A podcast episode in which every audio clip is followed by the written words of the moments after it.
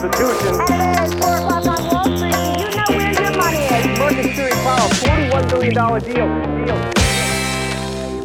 Då är det dags för ytterligare ett bonusavsnitt. Jag har med mig ett börsbolag återigen. Jag har med mig kredithanteringsbolaget Intrum. Börsnoterat på large cap, strax under 30 miljarder i börsvärde och jag har med mig VD Mikael Eriksson. Varmt välkommen hit Mikael! Tack så mycket. Kul att ha det här. Det här kommer bli spännande. Men vi börjar från början. Vem är Mikael Eriksson? Mikael Eriksson, ja som du sa, VD för Intrum då sedan 2016. Jag är 57 år gammal och eh, född här i Stockholm. Privat så är jag sedan 10 år tillbaka gift med Kristina vi träffades när vi var skilda. Så jag hade med mig fyra barn och Kristina två. Så vi brukar säga att vi har sex barn tillsammans. Åh herregud. Eh, jag har ja. ett och jag vet, jag tycker att det är väldigt utmanande. Vi, brukar, vi, brukar, säga faktiskt att det har varit en bra merger under de här eh, tio åren. Så ja. vi har klarat av att hantera den frågan. Kristina är född i Grekland egentligen men kom till Sverige som vuxen och har levt större delen av sitt liv i Stockholm. Eh, utbildad på Stockholms universitet och jobbat väl i bank någonstans mellan 25 och 30 år. Både här i Stockholm, i London och i Köpenhamn innan jag kom till, eh, till Intrum. Ja, det var så ungefär. Och just den här långa bankkarriären om man så får säga. Du har ju också varit på Carnegie. Det här är mm. någonting som jag tror folk är lite nyfikna på. Kan du berätta? För jag vet att du kom dit efter att det hade varit stökigt. Kan du bara kommentera det lite grann? Alltså jag kom ju till, eh, till Carnegie på senvåren 2008 precis innan det blev riktigt kaotiskt i den svenska marknaden. Och jag kommer ihåg jag la min första kvartalsrapport och då dök de första större kreditförlusterna upp. Eh, och eh, det är klart, sen var det sex månader av en lång kamp. Jag tror aldrig jag jobbat så mycket som under den perioden. Eh, så tog ju staten så småningom över, bad mig sitta kvar som vd. Och sen satt jag kvar som vd fram till Carnegie såldes till Bure Altor våren 2009. Oerhört lärorikt, oerhört intensivt, väldigt spännande, många historier. Mm. Någonting annat vi kommer komma in på lite grann också är väl kanske nya marknader och är Grekland en av dem. Jag blir också lite nyfiken för Kristina, du sa hon kommer ju från Grekland och kom hit i vuxen ålder. Grekland har ju haft det väldigt jobbigt med den statsfinansiella oron som har varit lite grann i Europa. Men nu kommit på fötter och ni har också gått in i Grekland. Det där, får en liten utsvävning där. Varför, innan vi kommer in på Intrum, vad är det spännande med Grekland och vad har vi vad har du lärt dig av Grekland i och med att du ändå har en nära koppling till Grekland?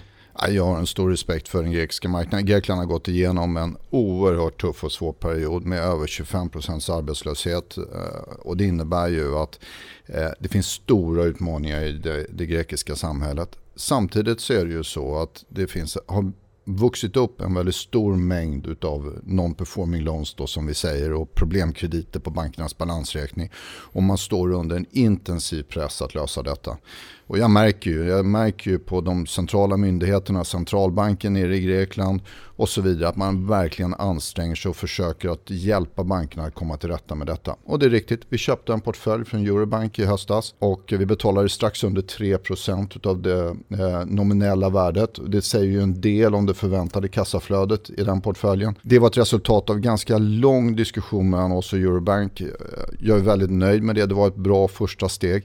Men för oss eh, så innebär ju när vi går in i ett land också att vi är långsiktiga och det innebär att vi kommer att fortsätta att investera i Grekland och jag hoppas att vi kan eh, etablera också en plattform för att hjälpa till att utveckla i, i Grekland. Det är en svår marknad men å andra sidan med väldigt stor potential framöver.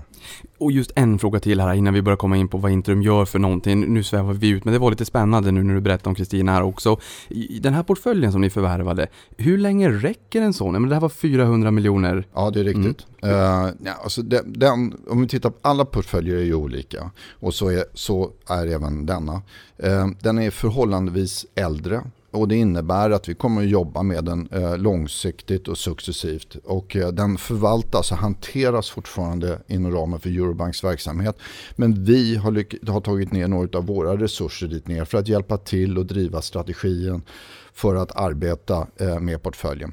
Vi är verksamma idag i 24 länder i Europa. Och jobbar ju ska vi säga, strukturerat och vad som är viktigt för oss va, det är ju att jobba på ett etiskt och moraliskt riktigt sätt i vår inkassering och därmed också långsiktigt. Det är så vi tjänar pengar. Vi är inte inne för att snabbt eh, ska vi säga, eh, arbeta med en portfölj för att snabbt generera kassaflöden utan vi har ett långsiktigt perspektiv på det arbetet vi gör. Mm, spännande. Och eh, en till fråga bara innan intron som poppar upp nu här. Sist jag var på besök hos er var 6, februari, 6 mars 2012, så det var ett antal år sedan. Det har hänt jättemycket sedan dess. GDPR är ju någonting som pratas om jättemycket där ute och jag tänker mig så här när jag har lyssnat till er tidigare så säger ni att det här med UC som finns i Sverige det finns ju kanske inte riktigt i andra länder, eller hur?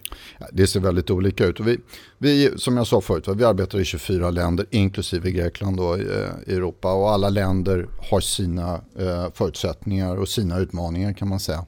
Eh, GDPR är viktigt och vi har lagt ner mycket resurser på det. Vi använder ju väldigt mycket data i vår verksamhet och i våra analyser så jobbar vi dock med helt anonymiserad data för att kunna driva och arbeta fram strategier och prisbilder på portföljer och så vidare. Men eh, jag menar, vi är ju ett företag, vi lånar ju inte ut några pengar. Vi är ju inte en bank utan vi jobbar bara med att hjälpa eh, företag med sena eh, betalningar i samhället. Och vi pratar med drygt 100 000, eller kommunicerar ska jag säga, med drygt 100 000 skuldsatta människor i Europa varje dag. Just det, för det jag tänkte på där var ju en del av värdet i intro måste ju vara det just den här datan som ni hela tiden tranchar och bygger upp och lär er av. Så att jag menar den har ju ett värde i sig och bygger ju någon form av vallgrav going forward. Så det jag tänkte om det nu är så att GDPR hade stökat till det, men det tolkas så det är inte, det, det, det är ingen oro från er sida, det stökar inte till eran affär. Som alla verksamheter i Europa har vi varit tvungna att anpassa oss till det nya regelverket och det gör vi och som du vet så GDPR innehåller ju många delar. Men just när det gäller vår datahantering så är den ju anonymiserad mm. och därmed kan vi säga att, den, att vi fångar den frågan. Mm. Ja men det låter bra. Jag har också en följare på Twitter som bara vill rikta tack till dig och säga att eh, han har gått från att vara fast i Kronofogden till att vara på väg att bygga upp en ekonomisk trygghet. Så att just det här med det du säger att ni pratar med väldigt många människor varje dag eh, löpande, så även han. Så att nu har jag skickat med det tacket också så hör du det då. Nu går vi in på Intrum. Vad gör ni för någonting? Ja, Intrum är ju ett kredithanteringsföretag och vi har ju nästan 100 år på nacken här i Sverige. Eh, vi är ett företag som jobbar med sena betalningar, brukar jag säga. Eh, och eh, där vi hjälper företag och finansiella institutioner med sena betalningar. Vi är inte en bank så vi lånar inte ut några pengar utan vi jobbar enbart med att hjälpa folk, människor, skuldsatta människor att komma tillbaka och hitta avbetalningsplaner. Vi är ungefär 100 år gammalt. Bolaget bildades av familjen Göransson som ägde bolaget fram till början av 2000-talet och det börsnoterades i Stockholm. Eh, idag är vi verksamma i 24 länder i Europa. Drygt 8000 medarbetare och som du sa tidigare ett, ett marknadsvärde strax söder om 30 eh, miljarder svenska kronor. Och mm. noterat på Stockholmsbörsen. Ja, och ni har ju två stycken verksamhetsområden. Det har ni finansiella tjänster och kredithanteringstjänster. Berätta mer om de här verksamhetsområdena. Ja, som jag sa så är ju vi från början ett, ett, ett bolag som jobbar med sena betalningar. Och jag skulle vilja säga för det är ju en serviceverksamhet. Eh, men för 20-25 år sedan så var det en del av våra kunder som kom till oss och frågade kan inte ni bara ta över vår portfölj utav, eller vår samling utav ehm, fordringar. Och det var början för oss där vi köpte portföljer. Eh, den verksamheten har ju utvecklats oerhört starkt under de senaste 20 åren. Idag hittar du ju bolag som enbart jobbar med att förvärva skuldportföljer. Eh, men för oss så eh, är det en del av vårt värdeerbjudande till våra kunder. Vi erbjuder helt enkelt lite olika tjänster för att kunna jobba med ett specifikt företags sena betalningar. Det kan vara ren service där vi bedriver ren inkasso eller vi kan faktiskt förvärva portföljen. Nu är de ju olika de här två verksamhetsområdena i den mått att den rena kredithanteringstjänsten är ju ett kapitallätt verksamhet där vi inte binder mycket kapital och där vi jobbar mycket med marginal och kostnad och effektivitet. På den andra sidan har vi den mer kapitalintensiva investeringsverksamheten och därför är det också rimligt att vi redovisar de här två verksamheterna som separata verksamhetsområden. Eh, och det är så att säga bakgrunden. Men det finns ett par saker som förenar och det är det att vi alla våra investeringar i portföljer gör vi och alla analyser gör vi på basis av vår egen inkasseringsförmåga. Så ju bättre vi är på att inkassera, ju bättre vi kunskap vi har om ett specifikt land och ett specifikt område, ju bättre blir vi också på att investera. På samma sätt så inkasserar vi på alla våra egna portföljer med något enstaka undantag eh, själva. Så att eh, alla portföljer vi har köpt de inkasserar vi på själva i vår egen verksamhet. Så på så sätt hänger de två verksamhetsområdena samman. Och jag tyckte det var lite intressant, det här med Grekland sa du också att ni köpte de här för 3% av nominellt värde. Så att ni betalar då i sådana fall 3 kronor för en fordran på 100 kronor. Sen får ni ju inte tillbaka alla pengarna, för vissa kommer aldrig att betala, men ni kommer få tillbaka så pass mycket att det ändå blir en, en rätt god lönsamhet på den här investeringen, den här skuldportföljen ni köper. Snittet i, i verksamheten ligger ju långt över 3 procent så att säga. Men är det någonstans där vi också ligger om vi tittar lite grann söderut, de här länderna som har haft stora utmaningar i den statsfinansiella oron här 2011, 12, 13 någonting? Ja, man kan väl säga generellt sett Niklas, tycker jag, säga det att, att, och det tror jag många håller med om, att eh, cykeln har varit väldigt lång i Europa efter den finansiella krisen och det ser vi ju idag både hos Europeiska centralbanken och hos EU. Man jobbar intensivt för att eh, bankerna faktiskt ska komma till rätta med sina balansräkningar och också förbereda dem för nästa konjunktursvacka där man räknar med att nya volymer kommer att byggas upp igen. Eh, och gör de europeiska bankerna bättre förberedda. Nu är det så att varje portfölj är olika. Och om du tar eh, den grekiska portföljen då, det blir ju, hur ska jag säga, eh, med det låga värdet som ligger nästan ett, ett, ett optionsvärde i den portföljen. Men det är också gamla skulder som icke är säkerställda. I många marknader jobbar vi idag med blandade portföljer där bankerna offererar då delar utav skulderna som är eh, icke säkerställda men andra som är säkerställda och då blir det högre priser naturligtvis. Så varje portfölj, varje land har sin utgångspunkt och det är därför som det är så viktigt för oss att vi tar vår utgångspunkt i och med att vi inte är en outside-in-investerare utan vi tar vår utgångspunkt i vår kunskap om det lokala landet, vår kunskap om den specifika portföljen när vi gör den värderingen. Går det att säga någonting om prislapparna där också? För att eh, som sagt, Grekland och, och 3 kronor, det, det, är ju inte relevant för hela koncernen. Men går det att säga någonting, det här med icke säkerställda, det är klart att då kommer de vara lite billigare och risken är ju högre. Men de säkerställda, då kommer ju priset vara högre, då kommer marknaden knorra lite grann och rynka på näsan. Men samtidigt kanske också sannolikheten är större att få in de pengarna i och med att det är säkerställt. Går det att säga några nivåer, vad som är vettigt på en icke säkerställd kontra en säkerställd? Ja, men det, du är alldeles rätt på den frågan Det, och det är eh, väldigt viktigt. Och det, det, är här som vi känner att vi har en sån eh, styrka i Intrum där vi jobbar i så många länder och över flera tillgångsklasser. Jag ska ge dig ett gott exempel. Vi förvärvade hösten 2016 ett bolag i London som heter First Credit, eller i England. Um, First Credit är ett, ett inte så stort bolag och de opererar i den engelska marknaden. Förra året under 2017 hade vi gärna köpt en eller två portföljer till um, i England för att så att säga uh, ge volym in till First Credit. Men vi upplevde den engelska marknaden för dyr. Det finns en typ av portföljer i England som heter man kallar det på engelska då för, för uh, performing and payable uh, books. Helt enkelt sådana där du har eh, överenskomna avbetalningsplaner med de skuldsatta och de betalar i enlighet med de eh, avbetalningsplanerna. Det, den typen av portfölj har man ju oerhört hög transparent, oerhört säkerhet och man, i det engelska systemet kan man ju väldigt lätt identifiera de personerna som ligger bakom. Den typen av portföljer kommer ju på, ska jag säga, väl under avkastningsnivåer under 10 procent, ner mot kanske till och med 6-7 procent. Det är nivåer som vi inte investerar på. Uh, och vi köpte faktiskt inga portföljer i England förra året. Vi tyckte helt enkelt att den engelska marknaden var för dyrt. Om du däremot går till östra Europa, då, Grekland behöver inte ta, du kan ta Tjeckien till exempel. Där hittar du nivåer som är väl på goda tvåsiffriga tal om jag uttrycker mig så. Eh, men å andra sidan, där har du ju portföljer där du inte alltid kanske känner de som är bakom med låntagarna. Det är inga fastställda avbetalningsplaner och eh, Eh, du har mycket större osäkerhet. Men å andra sidan så lite högre risk men högre avkastning.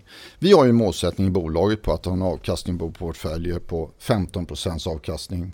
Vi ligger idag, förlåt på 13, idag ligger vi runt 15.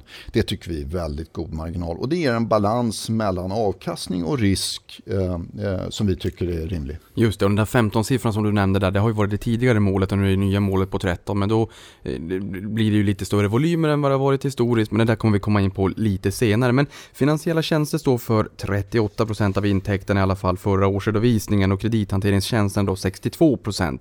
Men som andel av resultatet så utgör finansiella tjänster 54% och kredithanteringstjänsterna 46%. Så att finansiella tjänster, lite mindre andel av totalen, men majoriteten av resultatet. Vilket verksamhetsområde är gasellen och vilket är kassakon? Ja, I och med att vi ser det här som två verksamhetsområden som egentligen är en del av samma värdeerbjudande till våra kunder så så i våra länder så mäts man på det samlade resultatet och det är så som jag följer upp våra landschefer. Det sagt då så är det klart att när det gäller investering i portföljer så har ju det haft en väldigt stor tillväxt och det är fortfarande ett, ett verksamhetsområde med, med, med stor tillväxt generellt sett. Medan däremot ska vi säga, kredithanteringstjänsten är mer en fråga om att långsiktigt arbeta med eh, operationell effektivitet. Och, eh, vi har ju en ambition att både öka våra investeringar på den finansiella sidan men också jobba med marginalen och förbättra marginalen på vår kredithanteringssida. Och det ligger i vår målsättning till 2020. Mm. Just den här kredithanteringstjänsten, kan du berätta lite mer om det? Jag tänker om kunderna, om de vill säga att ja, men jag vill inte ta någon kreditrisk alls, jag, jag säljer fakturan direkt till er och så får det stå ert namn på fakturan som skickas till kund om man nu handlar på någon e-shop eller vad det kan tänkas vara. Berätta lite mer hur kunderna, vad är det för kunder och, och vilka typer av tjänster använder de inom just den här kredithanterings tjänster, det verksamhetsområdet? Ett typexempel kan ju vara ett, ehm, eh, det kan vara en finansiell aktör, det kan vara en, ett energibolag eller en, en mobiloperatör som helt enkelt säljer en löpande tjänst till sina kunder. Och sen har man en kund som har slutat att betala och då kanske man skickar en påminnelsefaktura.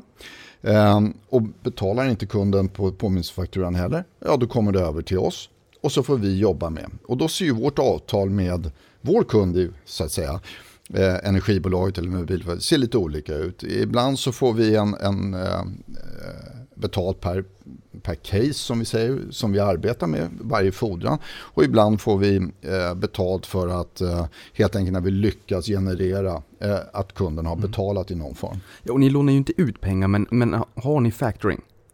Ja, vi jobbar lite i två länder i Norden, i Sverige och i, eh, i Finland eh, med viss form av factoringlösning. Men eh, i och med att vi inte är bank va, så mm. har vi inte den eh, finansieringskapaciteten. Nej. Och hur, hur ser den geografiska mix ut? För den har ju förändrats lite grann.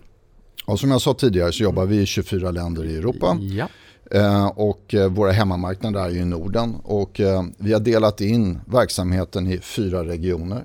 Eh, där norra Europa och Norden är en eh, region. Eh, sen har vi vår eh, västra region, Spanien är en region, för Spanien är stort hos oss Eh, med nästan en, en femtedel av våra anställda. Och sen har vi centrala och östra Europa. Mm, och det här tycker jag också är intressant, för just din föregångare Lars Wollung, då var det ju fokus på Norden. Nu är det ju snarare fokus kanske lite mer på Europa och ni ser ni växer ut i Europa. Spanien har blivit en stor del de senare åren. Vad finns det för risker och möjligheter med att eh, Intrum börjar bli mer av ett europeiskt bolag om man så säger?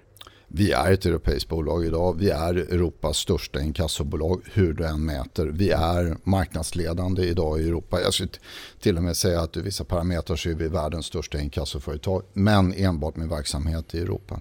Nej, men tittar vi på alltså både Intrum Justitia och Lindorf kommer ju från en, en, nordisk hemvist och det är vår hemmamarknad. De nordiska marknaderna är idag ganska mogna marknader med förhållandevis låg tillväxt och ganska, ska vi säga, är med verksamheter som är väldigt stabila som sådant. Och det är klart att när vi då expanderar in i övriga Europa så ger det möjligheter till större tillväxt.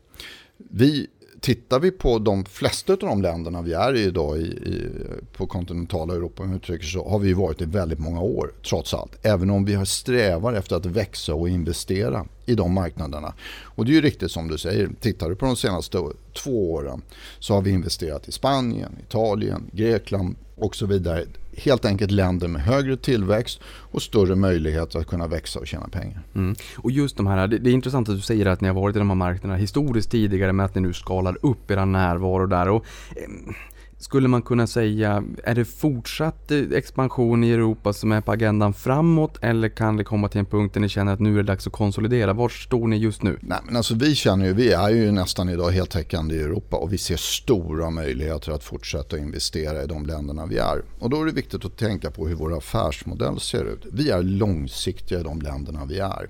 Och för att vara långsiktiga och vara bra på inkassering och bra på att investera, då måste vi ha en stark ställning i de här länderna. Vi brukar tala om om det är viktigt att vi är marknadsledande. Sen kan vi debattera vad marknadsledande är. Men i vår värld då så säger vi att om vi är topp två, tre länder i någon mening eller säg så här, vi har tillräckligt god kunskap om kunder, vi känner reglerarna väl, vi känner marknaden väl och vi har varit tillräckligt länge. Då har vi en marknadsledande ställning. Och vi är beredda att investera för att nå det. Italien är ett bra exempel på det. Om du går tillbaka två, tre år så hade vi en ganska liten verksamhet i Italien. Vi kände inte att vi var marknadsledande. Vi hade dålig kunskap. Vi kände inte riktigt att vi eh, kunde vara med i marknaden. Idag har vi en marknadsledande ställning. Vi har god tillgång till information. Vi känner aktörerna i den italienska marknaden och det gör oss mycket bättre på det vi arbetar med och därmed mycket större förutsättningar med lägre risk, tjäna mer pengar. Finns det några marknader ute i Europa där ni inte är närvarande i dagsläget men där ni känner att den här marknaden är riktigt spännande? Och hur enkelt är det att gå in i en ny marknad? Jag tänker om det finns någon lokal karaktäristika som gör att eh, länder som ligger bredvid varandra har två helt olika förutsättningar. Eller är det ganska lätt att gå in i ett nytt land? Nej, det skulle jag inte vilja säga. Utan vi har ju ofta valt att göra det genom förvärv. Jag kan ge två exempel. Det ena är ju Grekland vi var inne på tidigare. Ett av problemen i Grekland är att det inte finns egentligen några fristående servicekapacitet utan det ligger i de banker som finns i Grekland. Eh, därför valde vi till slut efter mycket överväganden att förvärva den här portföljen av Eurobank. Ett annat exempel är Rumänien där vi köpte ett bolag under förra året som heter Top Factoring. Det var ett sätt för oss att komma in i den rumänska marknaden. Rumänien är inte eh, jättestort men ändå en intressant och väl utvecklad marknad och där vi ser goda förutsättningar till att eh, växa. Top Factoring är ett bra bolag och ger oss en lagom stor och stark närvaro i den rumänska marknaden. Så jag skulle säga, för att svara direkt på din fråga, det, det, det för oss som är det fördelaktiga sättet att, att investera in i en marknad, det är att förvärva en verksamhet som både innehåller en servicekapacitet och en portfölj. Som vi gjorde i Top Factoring och som vi också gjorde med First Credit i England. Kan man säga någonting om top factoring när det kommer till nivåer på lönsamheten? Jag menar Grekland fick vi höra ett exempel, sen fick vi höra exempel här på vad som är rimligt, kanske med säkerställt, icke säkerställt. Hur ser det ut i Rumänien? Ja, men Rumänien är en spännande marknad och framförallt under stor tillväxt och en ekonomi som faktiskt tuffar på väl. Och, eh, vi känner att eh, så här långt är vi riktigt nöjda med förvärvet av Top Factoring och de bidrar eh, till den målsättning vi har satt upp för 2020. Bra. Ni skriver ju också här att i, i årsredovisningen att digitalisering och dataanalys är två viktiga katalysatorer för att kunna växa och samtidigt öka effektiviteten på en marknad som ständigt förändras, så står det då i, i VD-ordet.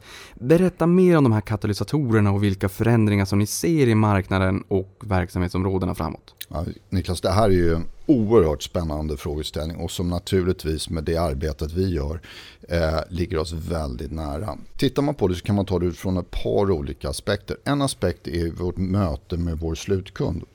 Eh, där jobbar vi mycket med att hitta effektiva sätt att nå kunden. Det är ju inte alltid du kan skicka ett brev och vederbörande sprättar upp brevet eller ringer och svarar i telefon. Det ligger på hatthyllan. Äh, här gäller det att jobba brett med de medier som finns. Va? Och här jobbar vi ju intensivt. Va? Vi jobbar också med, och det innebär bland annat att vi jobbar med att utveckla chatboxmöjligheter. Vi har idag två stycken i produktion. Vi kommer säkert att ha en fem, sex i ett par olika länder i slutet av året. Men vi jobbar också med vår interna effektivitet. Um, eh, Eh, robotisering, användning av robot i vår verksamhet för att driva ner kostnaderna eh, för vår, själva vår produktion är en viktig del. Eh, vi kommer att ha säkert en 7-8 utav våra länder supporterade av robotteknik i slutet av året. Vi har ett kompetenscenter i Wroclaw i Polen som jobbar med att utveckla de här tjänsterna för eh, de olika eh, länderna. I grunden kan vi säga så här att bolaget som Intrum då med 100 års erfarenhet, vi har varit väldigt duktiga på att jobba med vår kostnadseffektivitet lokalt i de länderna vi arbetar med. Men lite sämre med att driva centrala processer. Det jobbar vi mycket med i år. Vi har satt av 10 miljoner euro eller 100 miljoner kronor för att göra ytterligare investeringar i digital teknik eh, och för att driva den här frågan. Om jag får vara lite mer långrandig Niklas så ska jag säga också det finns nästa del i det här. Det är ju att jobba med vår själva analyskapacitet. När vi tar in alla, de här, eh, alla den data som vi har, det är ju grunden när vi analyserar, både för att ta fram eh, strategier för hur vi ska eh, bedriva inkasso. Ska vi skicka brev? Ska vi ringa? Ska vi ringa på morgonen? Ska vi ringa på kvällen? Ska vi skicka ett sms? Och det andra är ju att helt enkelt värdera portföljen när vi investerar. Här, vi, här skulle jag vilja säga att vi som industri har kommit långt men vi har mycket kvar att jobba med.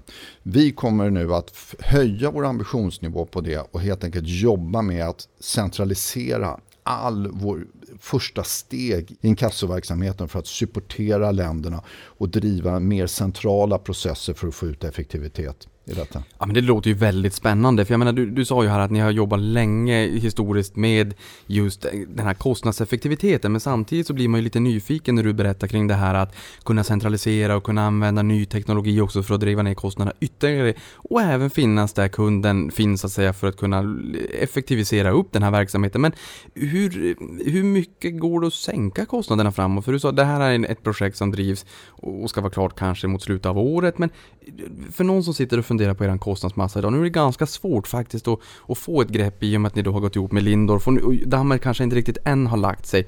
Eh, för att helt enkelt förstå, jag menar, analytikerna hade också svårt att förstå och räkna på hur sjuttsiken ska vi räkna nu, proforma-siffror och så, men när det har lagt sig, hur ska man tänka kring kostnadsmassan? Vad är rimligt att förvänta sig att den ska kunna gå ner till? Om jag får vända på det då och säga mm. så här, det som är viktigt för oss det är att jobba med marginalen i den här ska vi säga, kapitallätta inkassoverksamheten. Mm. Det är ju en serviceverksamhet.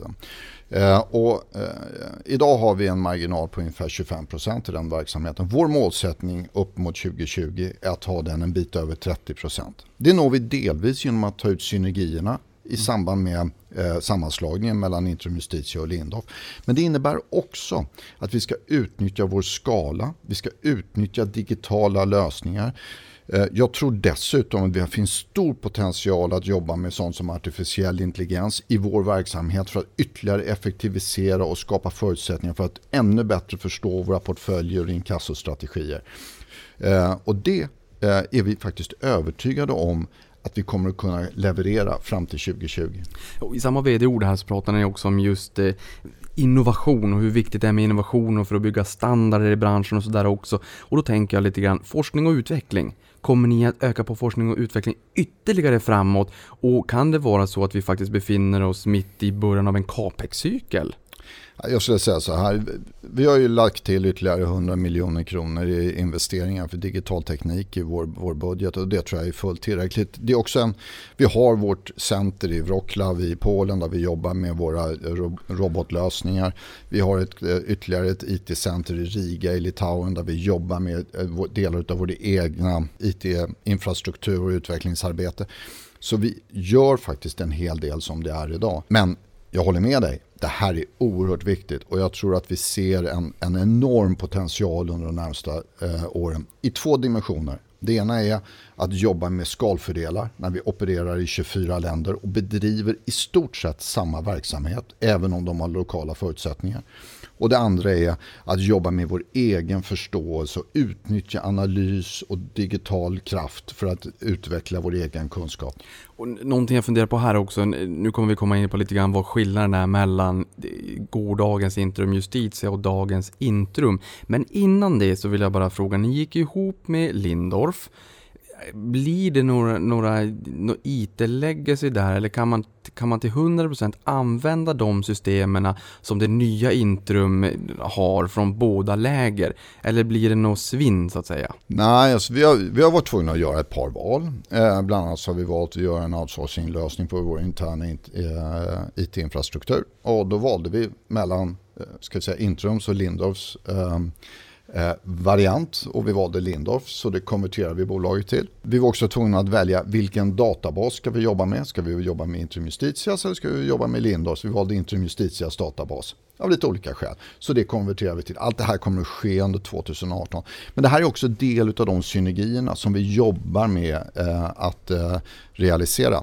Och jag känner mig ju väldigt komfortabel. Det här går smidigt och eh, jag känner inte att vi får, har sådana överlapp att det blir det svinn du talar om. Nej, och elefanten i rummet då Mikael, vad är det för skillnad på eh, dagens Intrum kontra gårdagens Intrum Justitia och Lindorf? Intrum Justitia och Lindorf var ju två bolag som i grunden hade egentligen kan vi säga samma historia där Lindorf också eh, drygt 100 år faktiskt historia med en, en norskt huvudkontor och Intrum Justitia med knappt 100 år eh, i, eh, med Sverige som hemmasäte så att säga. Båda bolagen jobbade eh, och har jobbat med samma balanserade affärsmodell. Därför var kulturerna i bolaget väldigt lika och det finns ett väldigt samförstånd hur man arbetar i affären. Det fanns också ett väldigt starkt samförstånd i att etik och moral är viktigt i vår bransch. Att jobba etiskt riktigt och långsiktigt med våra slutkunder för att säkerställa en riktig och eh, eh bra och eh, moraliskt riktig hantering. Skillnaderna låg lite grann och det är det här vi ser eh, styrkorna i, i den här sammanslagningen. Det ena är att Intrum Justitia jobbade Eh, Eh, väldigt mycket mot ska vi säga, mindre företag i Europa. Mobilföretag, energibolag, mindre finansiella institutioner. Och jobbade inte så mycket med de större finansiella institutionerna i Europa. Som faktiskt hade den högre tillväxten i vår marknad. Lindorff hade de senaste åren byggt en, vad jag vill kalla, kanske den starkaste franchise eller verksamhet mot stora finansiella institutioner. Så här kompletterade vi varandra. Tittar vi sen geografiskt så var det inte så att vi hade några udda länder. Vi var båda jobbade i Europa, men vi kompletterade varandra. I Italien hade vi båda verksamheter som var mindre och kan man säga subpar, för jag får uttrycka mig på det sättet. Tillsammans blev vi kanske inte marknadsledare, men det gav oss förutsättningar att ta kliv i den italienska marknaden från en betydligt starkare plattform. I Tyskland hade vi båda hyfsat goda förutsättningar, hyfsat god marknadsposition. Tillsammans blir vi en marknadsledande aktör i Tyskland.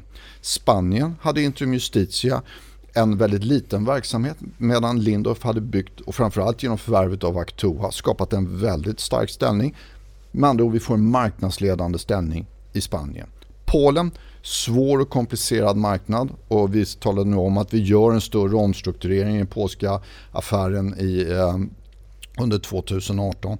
Men där vi kan konstatera att vi båda kämpade men tillsammans har vi nu möjligheter genom att ta ut synergier, addera ytterligare besparingar av 100 miljoner per år och gå från någonstans 850 medarbetare till 350-400 medarbetare kan jobba betydligt mer effektivt. Vi tror långsiktigt på Polen men eh, eh, konkurrenssituationen har varit väldigt besvärlig. Så här kompletterade vi varandra. Sen på den finansiella sidan då, så hade vi, jobbade vi med olika kapitalstrukturer.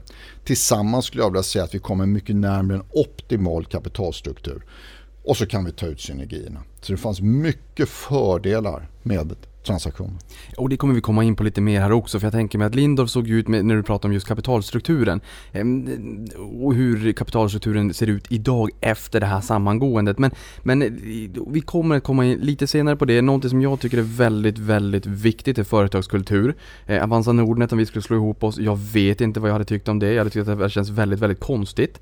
Eh, jag har varit tidigare på SEB, 1972 så gick, gick de ihop. Det är fortfarande så idag att man pratar om One SEB för att få ihop företagskulturen, men de gamla uvarna, de släpper det inte riktigt. Jag tror inte att det behöver riktigt vara så, men kan du nämna någonting lite mer om företagskulturen? Har det gått geschwint, så att säga, och, och merga ihop de här? Ja, för det här är ju ingenting som är specifikt för Intrum. Det ska Nej. vi ju säga. Det är, det är, ingen kritisk fråga mot er utan det är snarare så här, det är ju människor det handlar om. Det är två bolag. Det kanske har varit starka kulturer tidigare. Berätta någonting mer. Nej men det är ju rätt va Niklas. Det här är en otroligt viktig fråga. Vad, vad jag gjorde när vi väl fick eh, tillståndet och affären stängde i juni förra året var att omedelbart utse min ledningsgrupp.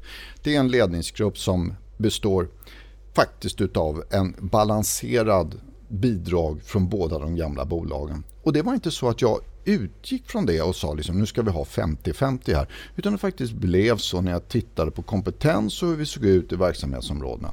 Det tror jag faktiskt präglar hela bolaget. Och då ska man komma ihåg, vi har båda ett nordiskt ursprung och vi har båda jobbat med samma affärsmodell och vi har båda bolagen samma stora fokus på etiskt och moraliskt riktig inkasso. Det här förenar. Och jag har varit på ett par möten, eller ganska många möten ska jag säga, med medarbetare från båda bolagen för att möta kund. Och då blir man lite stolt för då inser man den kapacitet som kommer från båda sidor och hur vi kompletterar varandra och klarar av att lyfta kunskapen i dialogen ytterligare en nivå.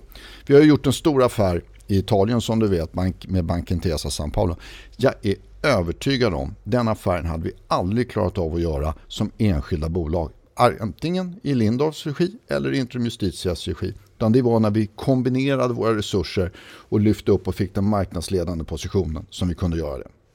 För att ge dig ytterligare ett exempel till så jobbar vi ju fem länder med att integrera. Och jag är faktiskt imponerad att se hur mina medarbetare har tagit sig an den uppgiften. Och vi Eh, under hösten arbetar vi fram de integrationsplanerna nu som vi exekverar på och som för att ta hand och realisera de synergier som vi lovade i transaktionen. Vi har ju två gånger kunnat lyfta de där synergierna. Det är helt enkelt därför att planerna är så konkreta och det är sånt tydligt och sånt engagemang där ute i länderna för att genomföra och göra detta jag är imponerad. Ja men det gläder mig verkligen att du berättar här om att kulturerna faktiskt har kunnat giftas. Jag menar, ni utvecklar ju också framåt ett nytt bolag där man inte kan säga att det här är bara Intrum Justitia eller bara Lindorf utan det här är faktiskt ett nytt gemensamt bolag. Så det gläder mig oerhört att, att höra att det faktiskt är bra stämning och att man, man kavlar upp armarna i den nya organisationen. Eh, tack för det. Någonting annat som jag är lite nyfiken på också, det är ju för de som sitter där hemma och funderar på, okej, okay, men Intrum då, var, eh, lite nyfiken på det här bolaget, men, men vilka nyckeltal är absolut viktigast att hålla koll på för att förstå utvecklingen i Intrum? Ja, vi jobbar ju då kan vi säga med en målsättning och det har vi faktiskt gjort i gamla Intrum Justitia under många år så det är inte några nya lyckotal men det är väl de som vi tycker är viktiga som präglar bolaget. Det första rör det är vad vi kallar earnings per share, alltså intjäning per aktie. Eh, och där har vi en tydlig målsättning, vi ska nå 35 kronor per aktie eh, 2020. Den andra delen som är viktig för oss det är naturligtvis avkastningen på vår portfölj. Och du var inne på det tidigare. Vi har sagt att eh, vi ska ha en avkastning på minst 13% på portföljen. Vi är idag på 15%. Och den tredje är ju faktiskt vår nettoskuldsättning. Där vi har sagt att vi ska ha en nettoskuldsättning mot vårt rörelseresultat eh, på mellan 2,5 och 3,5 gånger med målsättning på 3,0 och vi, handlas, eller, vi landade efter Q1 eh, på 3,8. Just det, och vi säger där då, just de här finansiella målen, då säger ni ju att eh, vinsten då ska öka med 75%, det vill säga en CAGR på 15% per år till 2020.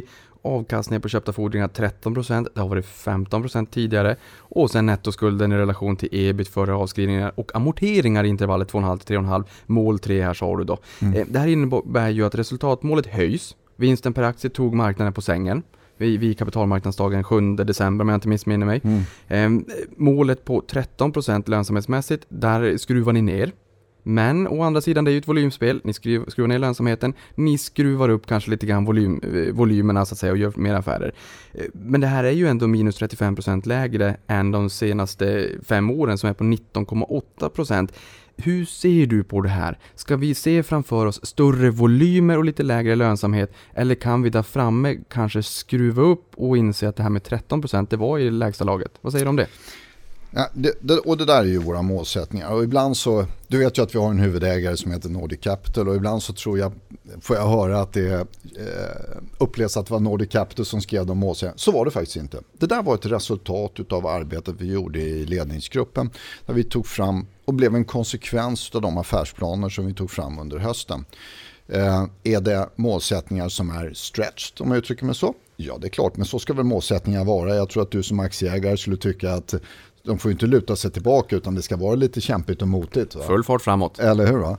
Eh, tittar vi sen på dem eh, och i sina delar då, så eh, för att om du tar volymmålet så ligger vi idag på en portfölj på ungefär drygt 20 miljarder svenska kronor. Och för att nå de här talen, de här målen, ska vi upp på lite drygt 30 miljarder. Alltså en ökning med 50% under tre år.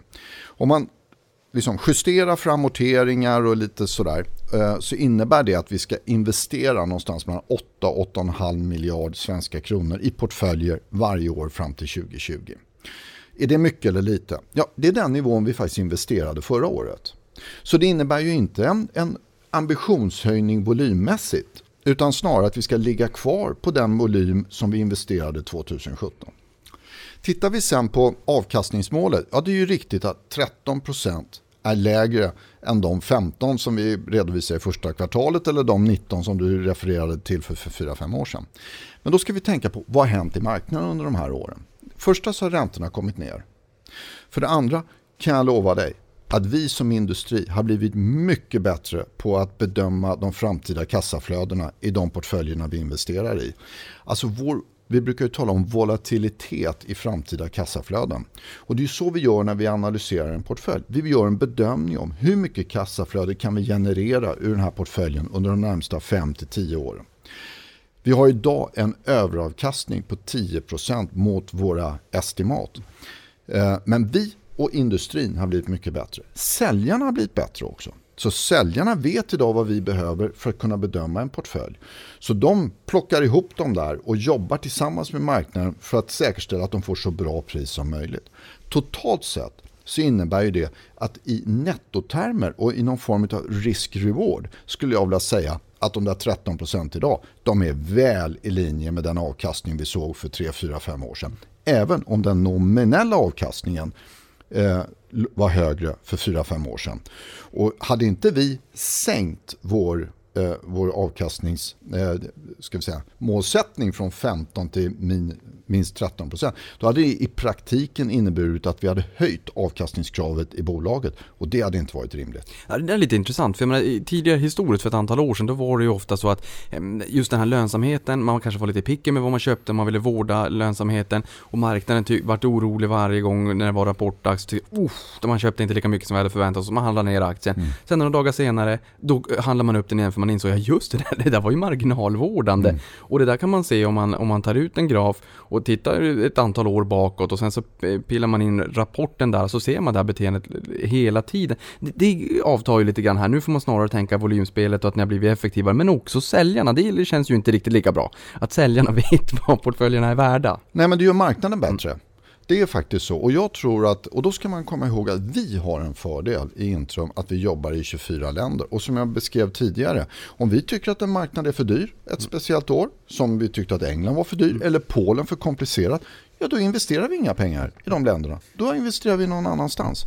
Och det är en fördel vi har och den utnyttjar vi. Ja, för det säger ni ju inte. Jag menar 24 länder, ni har en, en bred geografisk mix och ni kanske inte explicit riktigt säger i vilka länder ni ska köpa de här portföljerna. Så det är ju klart att om, om ett eller ett par länder är lite för dyra så kanske det finns andra länder där det är någorlunda billigt. Men eh, jag tänker mig så här att eh, bankerna, det var ju stökigt i Europa, den här statsfinansiella oron som kom i efterkölvattnet av finanskrisen ett antal år senare. Hur, hur pass, vad händer där ute i marknaden? Jag har hört att bankerna, att det ska vara enorma portföljer på väg ut i marknaden. Det här är inte first hand info såklart, förmodligen third hand info. nu vill jag ha first hand info, berätta. Ja, men men ehm, så är jag, jag kan ju säga så här, att jag har ju aldrig sett sån stark pipeline som vi har just nu. Och jag tror att det är drivet Niklas utav lite olika frågor. Den ena frågan är att eh, ECB, EU, reglerarna, de lokala centralbankerna pressar bankerna hårt på att idag hantera sina historiska eh, balansräkningar och jobba ner volymerna utav icke eh, non-performing loans. Eh, det ser vi i Italien, det ser vi i Grekland, det ser vi i Spanien, det ser vi i Portugal och så vidare. Den andra delen i det här det är att centralbankerna också jobbar på hur ska vi hantera nästa konjunkturnedgång.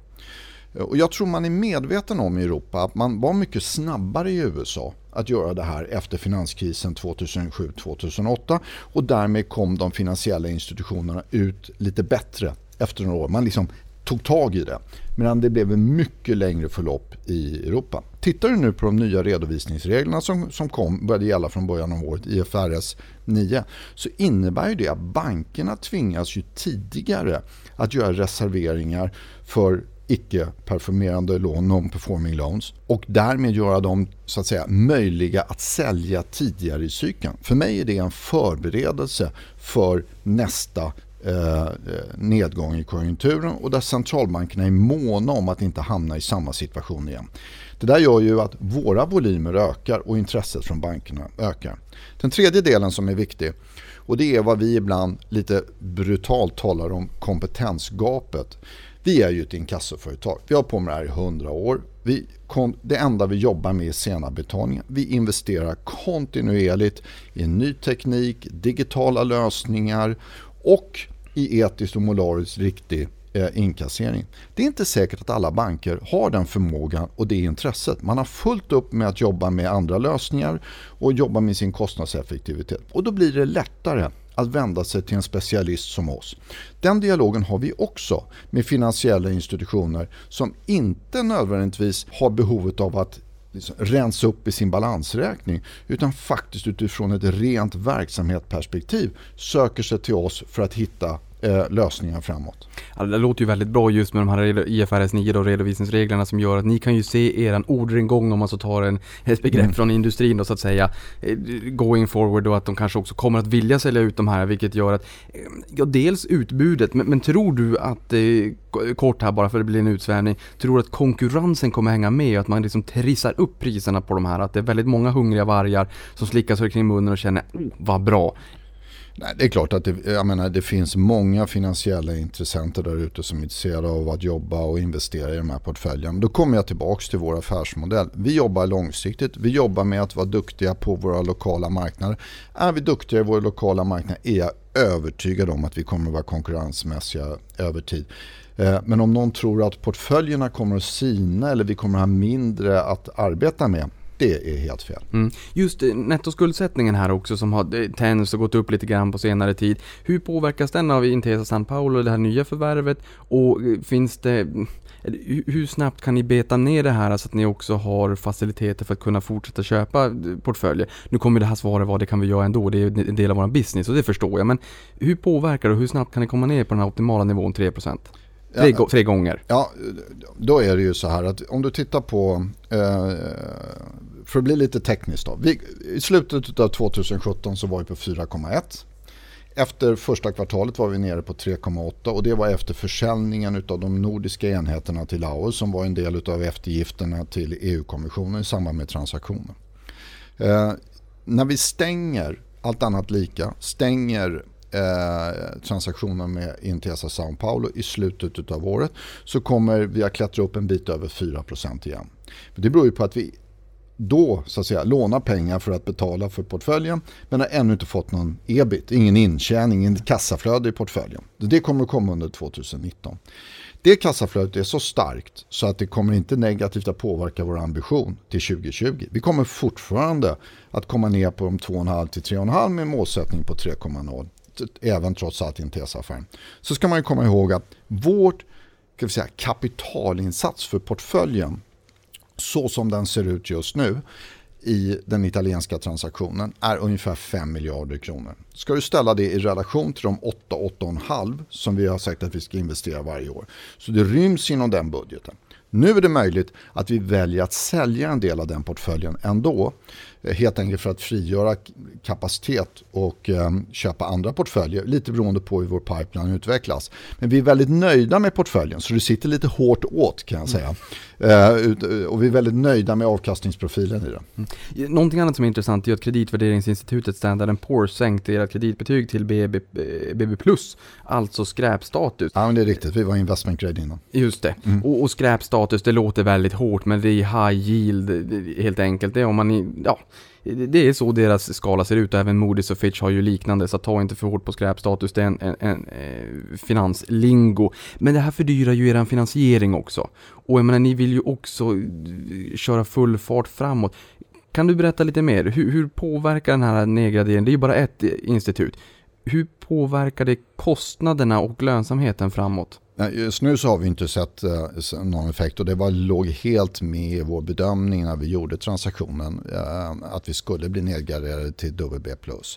Ehm, vi gjorde ju en refinansiering av hela koncernen i juni förra året och kom in på i min värld fantastiska nivåer med en snittfinansieringskostnad på 2,80-2,85. Eh, väl under det som låg i våra ursprungliga planer. Det där ger oss en trygg finansiering fram till eh, 2022 och 2024. Jag var oerhört nöjd med det. Och det var ju i en kapitalmarknad där man hade kunskap om den eh, nedgraderingen. Så vi känner oss inte på det sättet berörda. Vi tror också att eh, klarar vi vår målsättning att komma ner på den nettoskuldsättning som vi talade om tidigare så bedömer ju vi att det är faktiskt förening, förenat över tid med en uppgradering av eh, bolagen. Vi har inte det som målsättning per se Eh, eh, utan det är väl mer en hygienfaktor. Och det är väl så också vi ska se vår ambition på den nettoskuldsättning vi ska ligga. Så det här är inte en trigger i det korta perspektivet going forward och ingenting som klämmer, en grus som klämmer skon på er så att säga, att, i och med att det då har varit diskonterat i marknaden? Nej. Mm. Eh, den 14 november 2016 så berättade ni ju för marknaden att ni skulle gå samman med sektorkollegan Lindorf då, som vi var inne och pratade mycket om här då. Eh, vid första anblick så fick ju aktien rätt mycket fart under galoscherna, steg upp till 380 om jag inte missminner mig för att sen falla tillbaka och dessutom fick ni skarp kritik från investerarkollektivet och, eh, i och med att ni gick förbi ägarledet eh, när ni presenterade den här affären då. Och från början så skulle vi gamla Intrum Justitieägare få 53% av det nya bolaget, Lindorf-hållet 47, sen vart det 55-45 efter att fonderna, storägarna gick in och sa att nej, det här priset kan vi inte acceptera, vi behöver ett bättre pris. Eh, och det här är någonting som det har pratats mycket om i media. Är inte det här ett gravt underbetyg? För att kunna svara på den frågan så, så låt mig ge dig lite grann en beskrivning av uh, upptakten och vad som hände. Det, det, får du jättegärna, för det tror jag både jag och lyssnarna vill höra. Så det här ser vi verkligen fram emot mycket. Kör! ja. Jo, um, och det var ju så att kunna genomföra den här transaktionen under, under um, hösten 2016 så innebar det att vår utgångspunkt för värdering av de två bolagen var att säga så här. Det här är två bolag som har ungefär samma historia, vi jobbar i samma marknad, vi har samma geografiska scope. Vi har dock lite olika kundsegment där Lindorff jobbar. Det är mer strukturerat som jag sa tidigare. Det är mer ska vi säga, snabbväxande finansiella segmentet och Intrum Justitia mer i det bredare mindre segmentet. Då sa vi så här, med jämförbara kapitalstrukturer, för det ska vi komma ihåg att Intrum Justitia hade ju en hög andel eget kapital och låg skuldsättning och Lindorff en annan kapitalstruktur. Med jämförbara kapitalstrukturer så finns det ingen rimlig anledning att se att bolagen över tid ska ha en avvikande värdering. Det var på det sättet som styrelserna enades om eh, eh, det här utbytet. Jag kan väl säga att både 4753 och 4555 ryms inom begreppet eh, rätt fair value eller liksom lika värdering. När det gäller eh, frågan om, om ägarna så, så det här är väl en, en fråga i och för sig för styrelsen men, men jag kan väl säga så här att jag tror att styrelsen eh, ägnade mycket tid åt detta och fick ganska tydlig rådgivning om hur man var tvungen att hantera ägarna, de institutionella ägarna i den här situationen. Och eh, eh man hade aldrig en ambition att gå runt ägarna utan man var ville verkligen förhålla sig till regelverket. Så här i efterhand så är det ju möjligt att den rådgivningen inte var riktigt som den borde vara. Men det fanns aldrig någon ambition att gå runt eh, ägarna. Och jag kan ju bara notera att så småningom så kom vi till den slutliga bolagsstämman och då stod alla ägarna upp och röstade för transaktionen och det var jag ju väldigt, väldigt glad för. Tittar vi på själva värderingen i transaktionen så har det också varit föremål för diskussion. Vad man då glömmer ibland, det var ju att vi fick ju sen problem i EU-kommissionen och eh, var tvungna att sälja de ska vi säga, fem verksamheter i Norden. De minsta verksamheterna i Norden. De som kanske hade blivit synergier i bolaget ändå. Vi gjorde det, vi fick sex månader på oss och vi sålde det Eh, till en industriell spelare till samma multipel som faktiskt utbytet mellan våra ägare skedde hösten 2016. Det tycker jag var ett bevis för att den värdering som gjordes i sammanslagningen faktiskt var ganska rimlig. Var det en besvikelse att man fick den här respiten, eller eftergifterna snarare inte respit, från eh, kommissionen? Ja, absolut. Jag menar, eh, vi, det räknade vi inte med. Och vi hade väl, eh, jag tror tre fristående advokatfirmor som gav oss rådgivning innan och, och det var inte där vi trodde.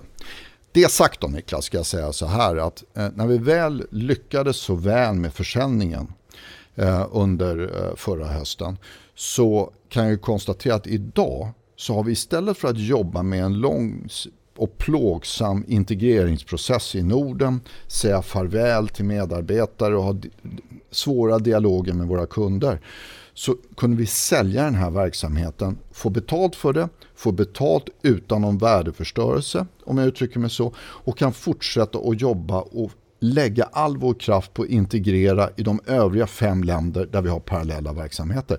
Så i någon mening så blev det väldigt bra till slut. Men det är klart, då var vi besvikna. Mm. Så ni klarar egentligen från den här energitjuven med alla de här tråkiga eh, både samtalen och eh, ja, vad ska vi säga, allt det tråkiga som hade kunnat ske om ni inte hade kunnat fått sålt de här på ett enkelt, snabbt sätt med en bra prislapp. Utan att säga hej då till personal och allt vad det är. Det kan, ju, kan jag tänka mig hade påverkat kulturen mycket hårdare. Absolut, och vi ska komma ihåg att vi fick faktiskt välja vilken av verksamheterna vi skulle sälja. Och då valde vi att sälja Lindors verksamhet i Finland, Sverige, Estland och Danmark och Intrum Justitias verksamhet i Norge. Vi kunde med andra ord behålla de största verksamheterna vilket gör att vi även idag är i Intrum marknadsledande i samtliga länder i Norden. Mm. Och just de här synergierna som vi pratar om, 800 miljoner kronor i årstakt utlovades i samband med samgåendet med Lindhoft och ni kunde ju inte veta att ni skulle få de här eftergifterna från EU-kommissionen. Eh, men frågan är när, man, när vi får se de här, för nu är vi nere på 560 miljoner årligen istället, alltså 30% lägre. Eh, men skulle du säga att affären är minst lika logisk idag sett i backspegel om ni hade vetat det här från första början? Ehm, och vad tror, hur snabbt kan vi få de här synergierna på 560 miljoner då? Vad säger du där? Jag är ju imponerad över hur väl organisationen och mina medarbetare har svarat upp. Ja, vi, ehm, vid årsskiftet så var vi uppe, jag hade tagit ut 200 miljoner av de 580 miljonerna i årstakt. Vi är väl efter Q1 någonstans på 280 och i slutet av året väl över 400 miljoner. Och det här är väl i linje och i takt med den plan vi har lagt. Eh, känns väldigt bra. Jag tycker att vi är väl på gång. Vi ligger inte efter i något avseende. Eh, tvärtom, våra länder är så pass snabba och så villiga att göra detta att våra revisorer faktiskt tvingade oss att ta en del av kostnaderna för den här integreringen redan 2017. Helt enkelt med hänvisning till att planerna är så konkreta, ni har redan börjat arbeta och ni har redan varslat och eh, sagt upp kontrakt och så vidare. Eh, eh, så det känns väldigt bra. Vi kommer att leverera på de där synergierna. Så att de är redan historia, de kostnaderna, eller det som ni tog i alla fall under 2017. Det, det kommer lite tråkiga frågor här, men, men jag menar det, det, känns bra ändå att beta av dem och få din bild av det. Eh, för när ni gick ihop dem med Lindorf så ska ni ha kalkylerat på ett dotterbolag istället för ett holdingbolag skrev Dagens Industri. Och det här blev en, en felräkning på 300 miljoner kronor. Det såg ut som att man hade en fordran på 300 miljoner kronor och sen så var det en skuld i holdingbolaget som man inte riktigt räknade med. Eh, vad, vad, säger du om det här? Alltså det är klart att vi inte räknade på fel bolag. Eh, det här går tillbaka till strukturen på det gamla Lindorff. Det fanns ett holdingbolag och så fanns det dotterbolag. Vi räknar ju på hela verksamheten. Nu var det så att eh, i det här dotterbolaget så låg alla, alla verksamheter. Där fanns alla jämförelsetal och där fanns all historik. Och det gjorde att vi var tvungna, att vi kommunicerade till marknaden, visa talen i relation i det dotterbolaget. Och då var vi tvungna att i en not för att det skulle bli riktigt, för vi hade ju räknat på helheten, göra den här justeringen. Ehm, så att vi räknade på rätt bolag, det var inga konstigheter. Det där var ägnade vi tid åt. Och det jag kan, kan säga det är väl att vi kommunikationsmässigt så gjorde vi ett par, vid ett par tillfällen så blev det inte riktigt hundra i den här processen. Och det får jag ta till mig och ta, eh, ta utav. Eh, och det hade vi kunnat göra bättre. Men vi räknade inte på fel bolag. Det kan jag lova dig. Ja men det låter bra. Låter bra. Det, det, det jag tycker är kul också faktiskt att du kom hit. För, för att upptakten egentligen till att du kom hit var ju att jag har också varit lite kritisk. Eh, vilket gör att jag, jag, är väldigt glad över att du är här idag och att vi spelar in den här podden. Att jag får lyssna till vad du har att säga och även de som lyssnar på det här. För att det är ju precis det här vi vill ha svar på. Det är på samma sätt som när löpet i kvällstidningen säger att det är bostadskrasch och det är mörka rubriker och allt vad det är. Men, men det, det finns alltid två sidor av samma mynt och det är därför det är otroligt kul att, att ha det här idag Mikael. Men vi är inte riktigt klara med de här frågorna än. Det kommer några till.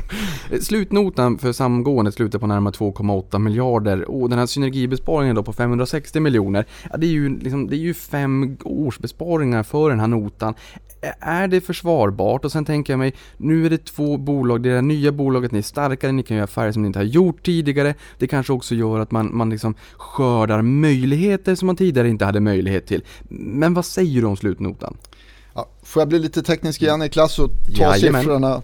Alltså, de, de 2,8 miljarderna är nog lite högt räknat men, men låt det stå kvar för jag tror att egentligen med de lägre synergierna så blev det lite lägre eh, kostnader för att ta ut och så det var kanske snarare 2,5 men det är mycket pengar ändå. En miljard av det, det var för att lösa Lindorfs obligationer som var ute i marknaden. Och det var väl eh, investerade pengar. De fick vi omedelbart tillbaka med lägre finansieringskostnad. Så de där, den miljarden, den tycker jag vi kan ta bort. Kvar är då en och en halv miljard som är dels för att ta ut synergier och dels i generella transaktionskostnader. Och då tittar vi på de synergierna som vi ska ställa dem emot. 580 miljoner som vi nu har räknat upp till 680 miljoner per år när vi lägger med Polen. För det ryms inom den kostnadsmassan. Om du tar nuvärdet av de 680 miljonerna i eh, årliga besparingar eller lägg på en multipel. Jag menar, lek med tanken att du lägger på multipeln 10 på det där. Ja, det är 6,5 miljard eller 7 miljarder. Att betala 1,5 miljard för att få 7 miljarder, det tycker jag är en ganska bra affär. Ja men det tycker jag också, det låter bra. men du, sen är det också så här, Intrum, nu Intrum, Intrum Justitia släpper vi nu för det är ju historia, men Intrum då. Ehm, det var ju ett mer effektivt bolag i förhållande till Lindorf. Just vi pratar kapitalstruktur och sådär och även här då så, så läste jag i det då att ehm, Lindorf använde två och en halv gånger så mycket kapital för att generera samma omsättning som vad Intrum gjorde. Och sen har vi också goodwill-posten är fem gånger högre och immateriella tillgångar 16 gånger högre. Vad säger du om det? Det är ju lite olika frågeställningar och li, så, så, här, så vi måste liksom bena ut dem. Det, det, är klart att det är ju riktigt att Intrum Justitia och Lindorf hade olika kapitalstrukturer. Där Intrum hade en större aktiekapital och mindre lånat kapital i vår kapitalbas. Det lånade kapitalet är ju billigare än aktiekapitalet, det är ju så marknaden ser ut. Så man kan säga att vår kapitalstruktur i gamla Intrum Justitia var faktiskt ganska dyr. Lindors hade en annan kapitalstruktur och såg annorlunda ut. Vi upplever ju sammanslagningen att här uppstår en synergi och det tycker jag vi bevisade när vi kunde refinansiera bolaget så billigt i juni förra året eh, och att kapitalmarknaden tog emot oss på det sättet. Så jag upplever idag att vi har en betydligt mer effektiv kapitalstruktur. Om, vi lägger, om du tittar på goodwillen, ja, det är ju ett resultat som kommer i Lindorf när man har varit ägd av private equity. Goodwillen i sig är ingen utmaning för oss. Jag menar, så länge, med de starka kassaflöden vi har så kan vi motivera den goodwillen. Och goodwillen är en del av vår verksamhet och blir också ett resultat när vi gör förvärv.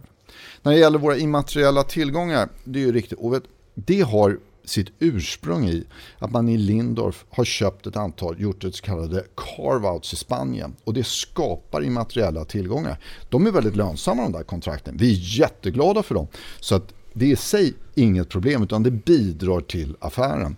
Men allt det här är ju balanstekniska frågor. Men eh, ja. Och även här då så har jag läst att eh, om, om, man tittar på bolag som er då så tittar man på eget kapital minus goodwill så låg Intrum då, eller Intrum Justitia i den affären på 764 miljoner kronor medan Lindorf ligger på nästan 8 miljarder back.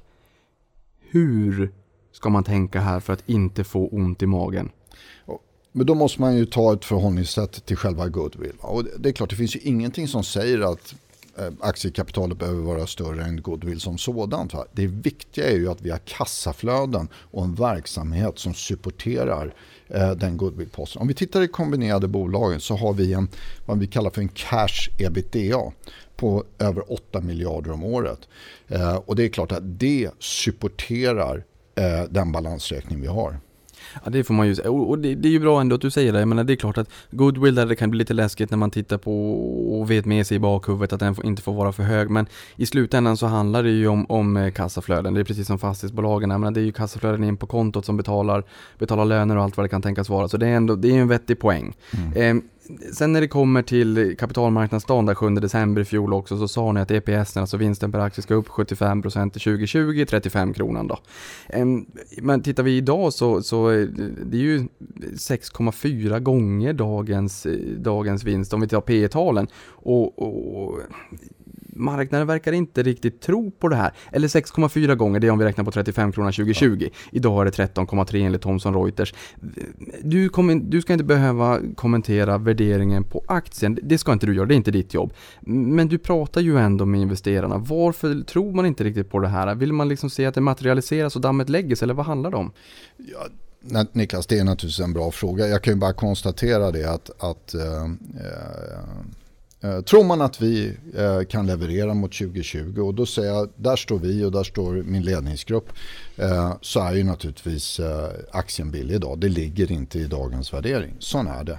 Vi fortsätter att jobba på. Vi kommer kvartal för kvartal och, och beta av de här frågorna och, och är övertygade om att vi kommer att visa så småningom att vi når den målsättning vi har sagt. Jag har sagt att pilotskolan, eh, tidigare pratat ofta om pilotskolan och tycker att det är vettigt. Jag brukar säga att man som pilot ska sitta med i planet och, och landa det där planet tryggt på Mallis med de här charterturisterna. Man ska inte stå fjärrstyrare från flygplatsen. Du sitter med i planet, du har ett stort ägande i bolaget. Eh, och är det här någonting som Nordic Capital har krävt? Jag förstår att ni också vill ha ett ägande i bolaget, så det säger jag ingenting om. Men har det liksom funnits krav på att ni ska ha tagit på er jättemycket aktier för den har gått ner väldigt mycket. Du och din bild av bolaget samstämmer inte med marknaden. Det enklaste sättet att eh, påvisa det här är ju bara att leverera. Jag hör på dig att det är det du kommer och det du vill göra framåt. Men vad säger du här kring ditt eget ägande i bolaget? Det är helt frivilligt och eh, eh, det har jag tagit på mig. Och vet du vad Niklas, jag håller med dig. Jag tycker det är viktigt att en sån person som jag har ett stort ägarandel. Jag ska ha en rejäl insats i det bolaget vi, eh, vi har. Vi har en spännande resa framför oss. Jag är övertygad om att vi kunde, kommer att kunna leverera och så är min ledningsgrupp. Det är ett hårt arbete som ligger framför oss vi kommer att ta det steg för steg. Jag tycker ändå när vi tittar tillbaka under det senaste året sen vi gick samman. Vi lyckades refinansiera bolaget på riktigt bra bra nivåer. Vi fick ihop en bra ledningsgrupp. Vi har ett eh, tydligt eh, plan för att leverera på våra synergier och vi har vid två tillfällen kunnat lyfta det eh, synergitalet upp till 680 miljoner kronor om året. Eh, vi lyckades sälja de enheterna, de eftergifterna vi gjorde i Norden eh, på, till eh, en, en, en eh, professionell aktör till en riktigt, riktigt bra pris. Jag tycker att vi tickar av frågorna ett efter de kommer och vi har gått in i en fantastisk affär tillsammans med en av Europas största banker. Ett samarbete över de närmsta tio åren där vi ska jobba tillsammans i den italienska marknaden. Du är på det här väldigt, väldigt bra. Du måste vara synskadad för du ser inte ens vilka frågor jag har, men det är just Intesa San Paolo. Berätta mer om den här affären. Aktien handelsstoppades innan ni skickade ut pressmeddelande om det här. Det är en jätteaffär. Berätta. Ja, det är en oerhört spännande affär. Det är klart att det är en milstolpe för Intrum, men det är också en milstolpe i vår marknad. Eh, här har du Europas största inkassoföretag, Intrum, som kommer samman med en av Europas största banker. Och då ska vi ju veta att banken Tesa har ett marknadsvärde idag som förmodligen är dubbelt det som Deutsche Bank har och väl över eh, Nordea. Tysklands största bank. Mm. Så att eh, det är en, eh, och det är Italiens eh, kapitalstarkaste bank. Eh, vad vi gör är att vi har under sex månader haft en diskussion eh, med banken kring två frågor. Det ena är när det gäller plattformen, alltså rena inkasseringsverksamheten. Där lägger vi samman Intrums verksamheter i Italien och eh, Bankintesas verksamheter i Italien och bygger ett bolag. Det kommer att eh, använda vårt varumärke, vi utser vd, vi äger 51% och vi konsoliderar. Men banken ligger kvar och äger 49%. Det innebär att vi kommer att utnyttja bankens lokala kunskaper i Italien tillsammans med vår erfarenheter från Spanien, Frankrike, Tyskland och så vidare med att jobba med att lyfta och utveckla inkasseringstjänsten i Italien. Vi har en överenskommelse med banken att vi kommer att ta 90% av alla deras framtida eh, eh tillväxt av non-performing loans på deras balansräkning och hantera på plattformen. Så det här är ett samarbete, ett partnerskap, ett joint venture som kommer att leva i många, många år framöver. Den andra delen Förlåt Niklas, jag tar den andra delen Nej, men jag tänkte bara ta på en skala från 1 till 10, hur, hur, pass, hur pass värdeskapande är den här affären? Och sätta en, en 10-gradig skala, där en noll är inte alls, det förstår vi, det, det blir inte för att ni aldrig gjort affären. Till 10 glödhett, going forward, vi kan alltså tänka längre än vad näsan räcker. Vi tänker inte till nästa kvartal, utan vi tänker några år framåt. Jag är ju inte så extrem, men jag får väl säga nio då. Va? Jag tycker det är en fantastisk affär. Ja. Ja. Och klart värdeskapande för Intrum. Inte bara för de närmsta åren, utan för många år framöver. Det är jag övertygad om. Den andra delen är att vi hjälper eh, banken att sälja en stor portion utav deras, eh, stor del utav deras eh, NPL-stock på deras balansräkning. Det är en affär som vi lägger i ett separat bolag där banken kommer att ligga kvar med 49%. Vi kan inte konsolidera den. Vi har tagit in en saminvesterare som, eh, som eh, tar eh, 10% av portföljen eh, och det är vi väldigt nöjda med. Vi började från början med en... portföljen slutar med i bruttotermer det är ungefär 12 miljarder euro. Niklas, det är ett väldigt stort belopp. Japp. Men vi började faktiskt med ett nästan dubbelt så stort belopp i våra diskussioner med banken. Där vi jobbade ner portföljen för att hitta en portfölj som fungerade för oss, för vår saminvesterare och för banken. Så jag skulle säga att det är en resultat av också ett partnerskap och en joint venture. Jag är väldigt nöjd med det. Vi är väldigt nöjda med strukturen på portföljen. Den är till stora delar säkerställd. Och eh, eh, den är också på alla sätt bidragande för vår målsättning till 2020. Ja, om vi tar just den här kapitalstrukturen också. Som du sa, ni kom från två olika håll där Intrum kanske inte var helt optimal, eller Intrum Justitias då. Och där Lindorf kanske var lite mera skuld och lite grann kanske som, som det brukar vara när det kommer till private equity-bolag. Och där lägger jag ingen värdering i det där, utan ja, men så som det brukar se ut helt enkelt. Eh, nu har ju räntabiliteten på det investerade kapitalet, om vi väger samman liksom både aktiekapital eh, och och eller eget kapital då, och lånat kapital har kommit ner från tvåsiffriga nivåer till låga ental. I takt med de här kostnadsbesparingarna, i takt med portföljerna och framtida tillväxt. När kan vi se liksom att de här siffrorna börjar avancera norrut och över tvåsiffriga nivåer? Vi har ju sagt så här att vi är ju i, i början av eh, eh 2018 är, är ju ett liksom hårt arbete i bolaget. Va? Men jag räknar ju med att vi under 2019 kommer att börja se eh, den rörelsen mot de målsättningar vi har 2020. Eh, I takt med att vi tar ut synergier, i takt med att vi faktiskt klarar av att dra nytta av det på vår topplinje, det arbetet vi gör Intesa är ett bra exempel på det. Där vi börjar få eh, in, intäkter från den typen av affärer. Vi har ju i våra synergier inte talat någonting om några intäktssynergier. Det ligger så att säga helt utanför. Och de här intäktssynergierna kanske man också kan dra en liten parallell. Nu är jag ju lekman så att säga men just det här med att ni kanske har kommit över affärer som ni annars inte hade kunnat komma över i, i om ni hade varit fristående Intrum Justitia Lindorf. Så är det ju. Va? Jag, jag är ju övertygad idag, som jag sa tidigare, att den här Intesa-transaktionen, den hade ingen av bolagen kunnat göra var och en för sig. Den är faktiskt ett resultat av att vi skapar Europas ledande eh, inkassoverksamhet. Och det driver också dialoger vi har i ett flertal andra länder. Och jag kan säga det, affären med Intesa, jag sa att det var en milstolpe för oss på Intrum, men också i marknaden. Och vi har idag en dialog med ett flertal banker som eh, vill höra mer om den här transaktionen och vi prövar liknande diskussioner. Hur är det med utdelning och utdelningstillväxt framåt då? Kommer det finnas kapacitet tror du att fortsätta med den här utdelningen som ni har haft? Och det klart, nu är det ett nytt bolag, men ändå. Och den här utdelningstillväxten som vi som aktieägare har åtnjutit under många år. Eller kan det bli någon form, även om det blir ett mellanår innan vi får full sprätt på, på både synergier, topline, men även kostnader och synergierna vi har pratat om. Kommer vi ändå få se utdelning och utdelningstillväxt? Vi har ju en policy i bolaget att dela ut eh, eh minst eh, 50% av vårt nettoresultat och det ligger ju kvar. Va? Och jag tror att det, det är riktigt, alltså går du tillbaks i historien så har ju Intrum haft en utdelningsvänlig politik. Den känner jag att styrelsen och ägarna är väldigt mån om att bibehålla.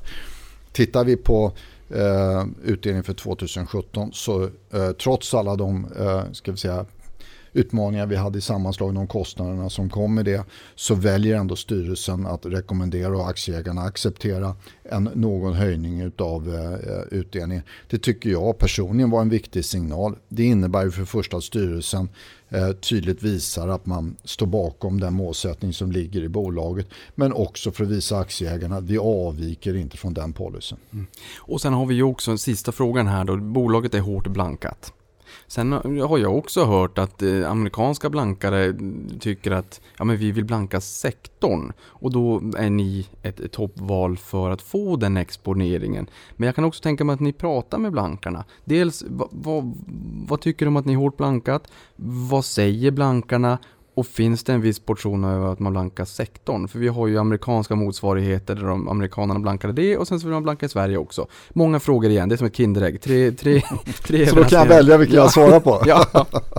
Nej men, eh, men det är ju riktigt att börja med. Vi är en hårt blankad aktie. Och jag tror faktiskt att du har rätt Niklas i den motto att är man skeptisk till den europeiska sektorn, eh, inkassobranschen som sådan, då är vi ett naturligt val att gå kort för det, vi är det största bolaget. Så det finns ett sånt element. Och jag tror att en del av de som är korta i våra aktier, vad de tittar på och tror, det är att i takt med nu att den finansiella krisen från 2007-2008 ebbar ut så kommer bankernas behov av att använda oss och att sälja portföljer att minska. Vi tror ju inte på det. Det är inte det vi ser och det är inte det jag ser i vår pipeline och det har vi varit inne på tidigare. Men det, har, det tror jag är, har varit en av drivkrafterna hos blankarna. Om man har tittat på den amerikanska marknaden där de amerikanska aktörerna var utsatta för ungefär samma rörelse för ett par, tre år sedan. Eh, just det här med IFRS 9 som du pratar om och där man mycket, mycket tidigare behöver ta de här reserveringarna för kreditförluster. Eh, är det samma sak i USA? Förstår blankarna den effekten som, som sker här i, i Europa? Nej, eh, det är svårt att veta Niklas. Mm. Jag vill inte säga att de inte förstår för det känns också lite, jag, jag tror att många av de här är väldigt duktiga och väldigt mm. pålästa. Jag bara delar inte och vi delar inte deras eh, uppfattning och deras syn på hur marknaden utvecklas och de enorma volymer som vi ser i marknaden och de dialoger vi har med finansiella institutioner.